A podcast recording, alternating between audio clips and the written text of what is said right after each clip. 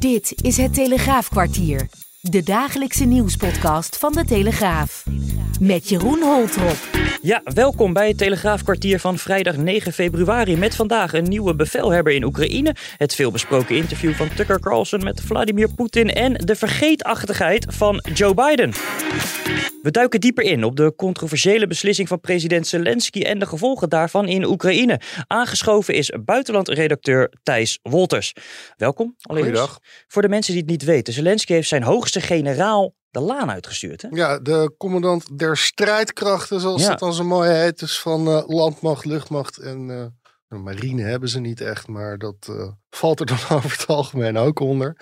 Zaluzhny heet de beste man, geloof ik. Klopt, en het komt niet echt als een verrassing. Het gonst al weken van de geruchten dat Zelensky van plan was om hem te ontslaan. Het gunst nog veel langer van de geruchten dat het compleet niet botert tussen die twee. En een en ander hangt natuurlijk weer samen met het feit dat het eh, in wezen al vrij lang een status quo is langs eh, de frontlinie eh, Ja. in de strijd met Rusland. En buiten dat feit, waarom botert het niet tussen de twee? Waarom botert het niet tussen Zelensky en deze Zaluzhny? Kort samengevat komt het erop neer dat Saluzhny eigenlijk al best lang pleit voor meer realiteitszin in de oorlog tegen Rusland. ja. En Zelensky is toch wat meer, denk daarbij overigens ook in het buitenland, maar daar zal ik zo nog even op terugkomen. Ja. Zelensky is wat meer van het benoemen van de successen en iets minder praten over wat er minder goed gaat. Ik noem het buitenland erbij. Het is natuurlijk ook heel belangrijk om aan het buitenland te laten zien van jongens, die hulp die jullie ons leveren, al die wapens, al dat materieel, al die training die we krijgen uit het Westen, dat heeft effect. Kijk maar, want we hebben dit veroverd, we maken hier vorderingen. Ja. Op het moment dat je daar niet echt iets tegenover kan stellen, dan wordt het natuurlijk ook voor Zelensky moeilijker. Om als hij dan weer eens in een, een buitenlandse hoofdstad aanschuift om eh, te bedelen om het een of ander. Dat hij dan ook moet uitleggen wat hij ermee doet. En als hij daar dan vervolgens geen resultaten tegenover kan stellen. Terwijl Zelensky wat meer van de lijn is van joh, dat begrijpen ze wel. En is ook iemand die al vaker met het beltje heeft gehakt. In de zin van dat hij in de afgelopen jaren ook veel contact heeft gehad met eh, militairen uit het Westen. Waar we Oh ja. al die hulp vandaan komt. Dus die, die weet ook best hoe dat werkt. Alleen hij zegt, ik, ik denk daar gewoon iets anders over dan de president. Dit lijkt mij gewoon een beter idee om wat realistischer te zijn over hoe dat allemaal gaat. Alleen al om bijvoorbeeld ook duidelijk te maken van we moeten meer munitie hebben om daadwerkelijk een goed offensief te kunnen starten. Dat is gewoon een kwestie van eh, inzicht. En Ja. dat verschilde dus behoorlijk. Ik begreep dat Zaluzhny ook wat meer, meer de focus op de Krim zou willen. Hè? En dat Zelensky zelf eh, zich dan meer op de Donbass-regio eh, richt. Ik ben zelf natuurlijk hooguit een armchair eh, strategian, zoals dat een armchair general. Dus ik heb geen idee in hoeverre. Vlak jezelf niet uit. dat- er een goed argument is of niet. Maar Hm. dat is inderdaad iets wat ook meespeelde. Kijk, de Donbass is natuurlijk de kern van het probleem, om het zo maar even te noemen. Want Juist. dat is in wezen waar alles is begonnen in 2014. De Krim natuurlijk ook, want die is ook in 2014 geannexeerd. Maar als je kijkt waar, waar zitten de meeste Oekraïners die op de Hm. hand zijn van de Russen, dan is dat natuurlijk in het oosten van het land. Juist. En de meeste Oekraïners, of veel van de Oekraïners, vinden Zaluzhny wel oké. Hij is populair bij de bevolking. Hij is enorm populair. Hoe- hoe komt inderdaad. Ja, het is echt een beetje een, een knuffelopa, om het Oké. zo maar even te noemen. Ja? Ja, als je hem kijkt, ik heb nu hier een foto van me voor hem staan. Die zullen Hm. zien. Het is ook echt een hele grote knuffelbeer. Ja, ja. Die realiteitszin is natuurlijk ook iets wat Oekraïners denk ik ook inmiddels wel aanstaat. Die willen na twee jaar oorlog, zover zijn we natuurlijk inmiddels, gewoon horen hoe de stand van zaken is. Speelt het misschien ook een rol dat hij te populair is? Hè? Ik las ook ergens van, joh, als er presidentsverkiezingen eh, zouden komen, dan maakt hij misschien nog een kans ook, deze Zaluzhny. Zou best kunnen. Oorlog is politiek. Oorlog is een verlenging van de politiek met andere middelen, zoals een eh, Duitser ooit heeft gezegd. En dat is natuurlijk ook zo in dit geval. Tegelijkertijd, het, kan natuurlijk ook een kwestie zijn van Zelensky die zijn punt van maakt. Van luister, ik ben hier de baas. Juist. En op het moment dat je inderdaad een hele populaire legerbevelhebber naast je hebt staan, dan is het op een gegeven moment misschien ook gewoon belangrijk om je even te laten gelden. Is er al eh, een opvolger? Zeker, en dan moet ik nu een, Die moet je een nu noemen Oekraïense naam gaan uitspreken. Meneer Sirski, als ik het goed heb begrepen. Oké. Hij is vooral bekend geworden om twee dingen. Hij was verantwoordelijk voor de verdediging van Kiev in de eerste dagen van de oorlog. En dat is natuurlijk waar de Russen een eerste echte bloedneus hebben Juist. opgelopen. Want dat offensief is natuurlijk volledig eh, stil komen Ja. te liggen. En de Russen moesten zich zelfs uit dat deel van Oekraïne helemaal terugtrekken. Tweede wapenfeit waarom die heel erg bekend is, is dat hij verantwoordelijk was voor het grote tegenoffensief in de Donbass eind 2022. Ook weer anderhalf jaar geleden, Hm. dus bijna. Waarbij opeens hele grote delen door Russen veroverd gebied weer werden terugveroverd door Oekraïne. En, is deze eh, man ook, ook goed met Zelensky? Is dit iemand, ja, hoe zeg je dat, vanuit de inner circle? Ja, hij wordt beschreven als uitermate loyaal ten opzichte van Zelensky.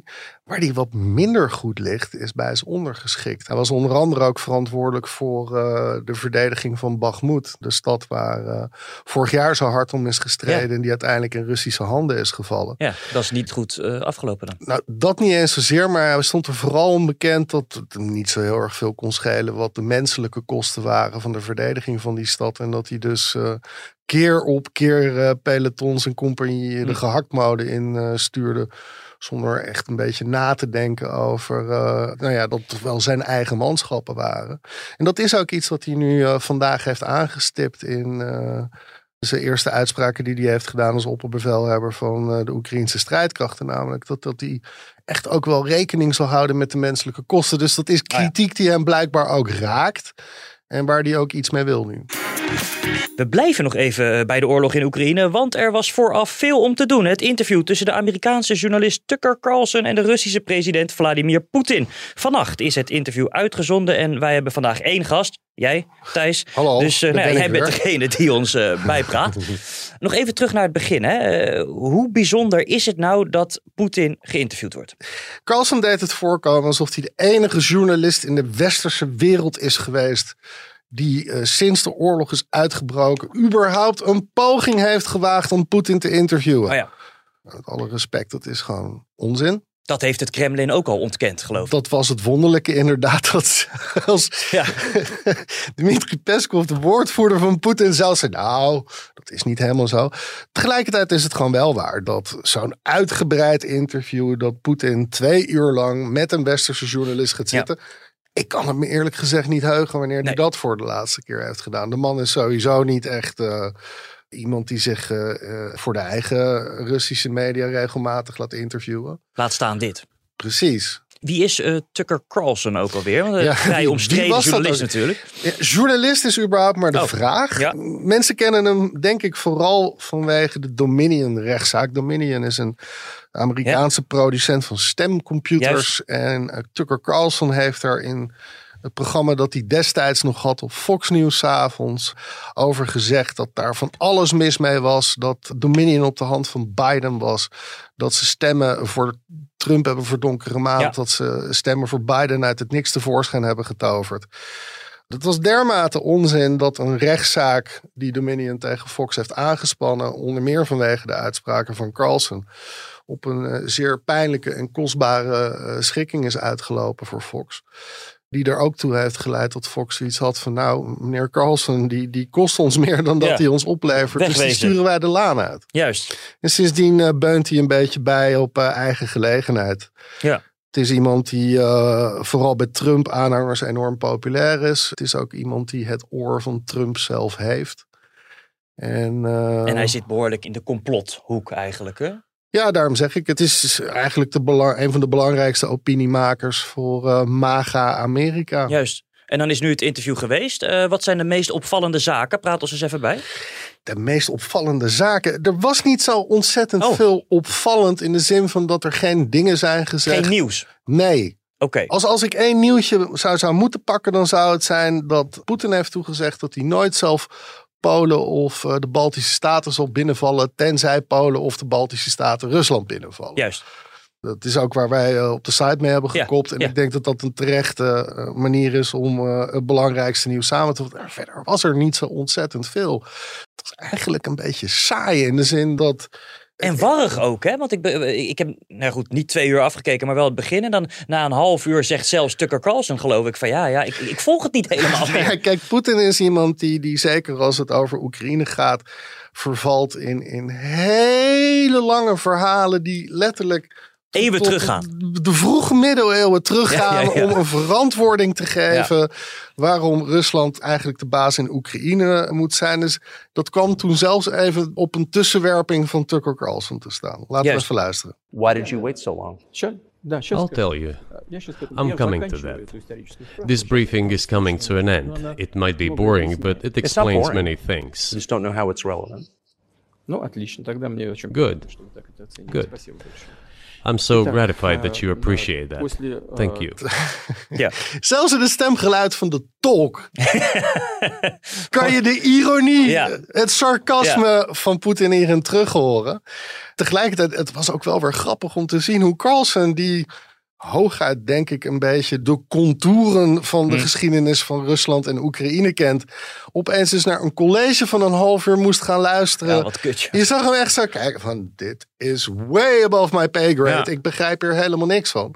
En het nadeel daarvan is natuurlijk ook, kijk, een interview met Poetin kan waanzinnig interessant zijn als je hem daadwerkelijk dingen voor de voeten kan gooien. Als Ja. je kan zeggen van, ja, u begint nu wel over eh, eh, de Rutheniërs in de 14e eeuw, maar eigenlijk zat dat zus en zo. Als hij een beetje goed voorbereid was gegaan, had hij ook daadwerkelijk iets er tegenin kunnen brengen. Maar je zag hem nu echt kijken Ja, ja. met een gezicht alsof er water aan het branden was op de plek waar eh, het interview werd opgenomen. Maar wat, En- wat is het belang van Poetin bij dit interview? Want in- ja, hij doet het niet voor niks. Hè? En eh, zeker niet met Carlsen. Nou ja, goed. Misschien omdat hij ook wel weet dat de voorbereiding niet helemaal eh, je van Hetzel is. Nou ja, dat is ook gewoon de forse kritiek die hij krijgt. Dat hij Poetin kritiekloos laat leeglopen. En Hm. voor Poetin is het belang natuurlijk dat duidelijk maken, vooral aan de aanhangers van Trump, jullie hebben niet zoveel van mij te vrezen. Juist. Ik doe wat ik moet doen. Ik heb daar een verhaal bij. En als jullie daarin meegaan, heeft Amerika niks van mij te vrezen. Heeft het Witte Huis eigenlijk al gereageerd? Niet dat ik weet. We hebben overigens wel een reactie hier eh, in Nederland gekregen van onze eh, minister van Defensie, Kasia Ollongren.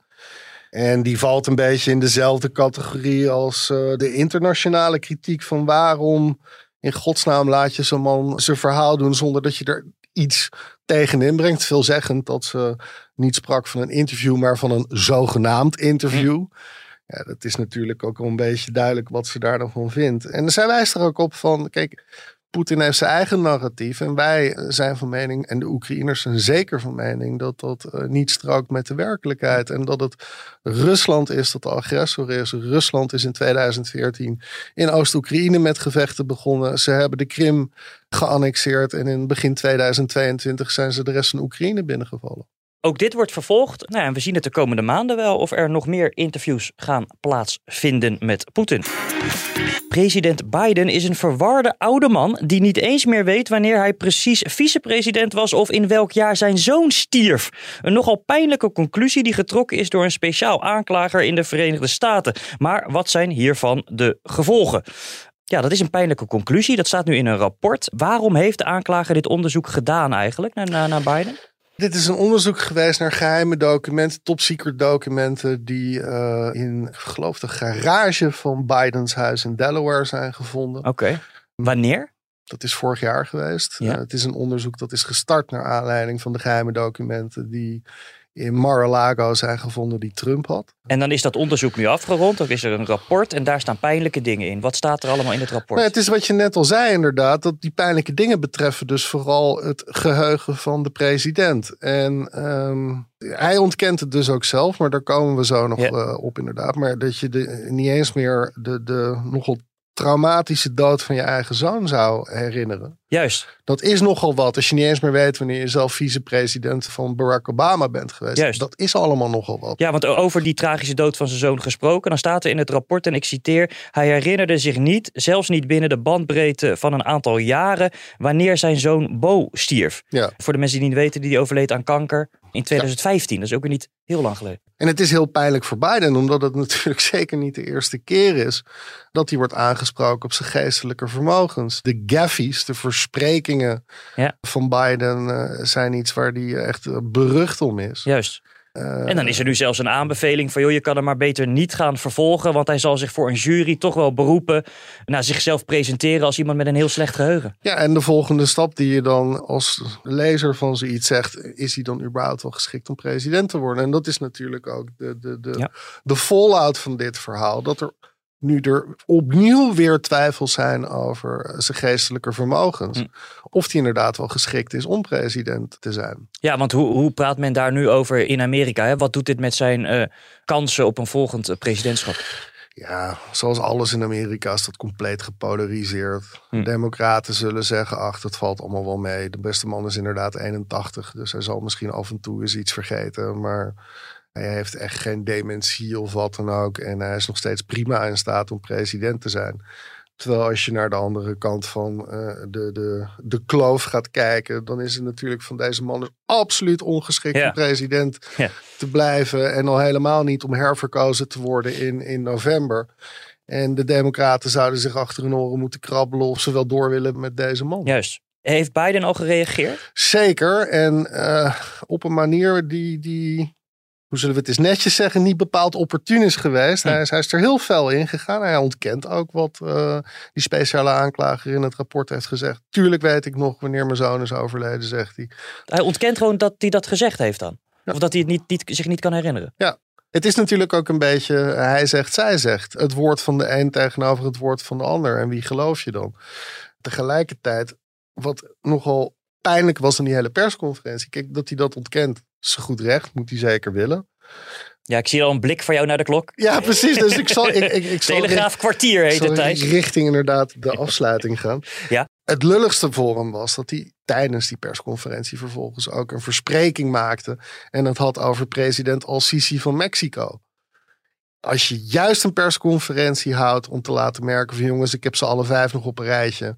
En je verwart vervolgens de president van Egypte met de president van Mexico. Tja, Dit was tijdens de persconferentie. tijdens die specifieke persconferentie. Jezus. Dus dat maakt het Ja. allemaal wel extra pijnlijk. En dit zou al wel een verkiezings- een campagneonderwerp worden. Iets wat tijdens de campagne besproken zou gaan worden. Maar hij heeft het nu eh, toch wel nog ietsje hoger op de lijst van eh, punten voor eh, de tegenstanders gezet om hem op aan te vallen. Thijs, bedankt voor je tijd. Jullie bedankt voor het luisteren. Maandag om half vijf zijn we er weer. Wil je op de hoogte blijven van het laatste nieuws? Ga dan naar telegraaf.nl of download de Telegraaf app.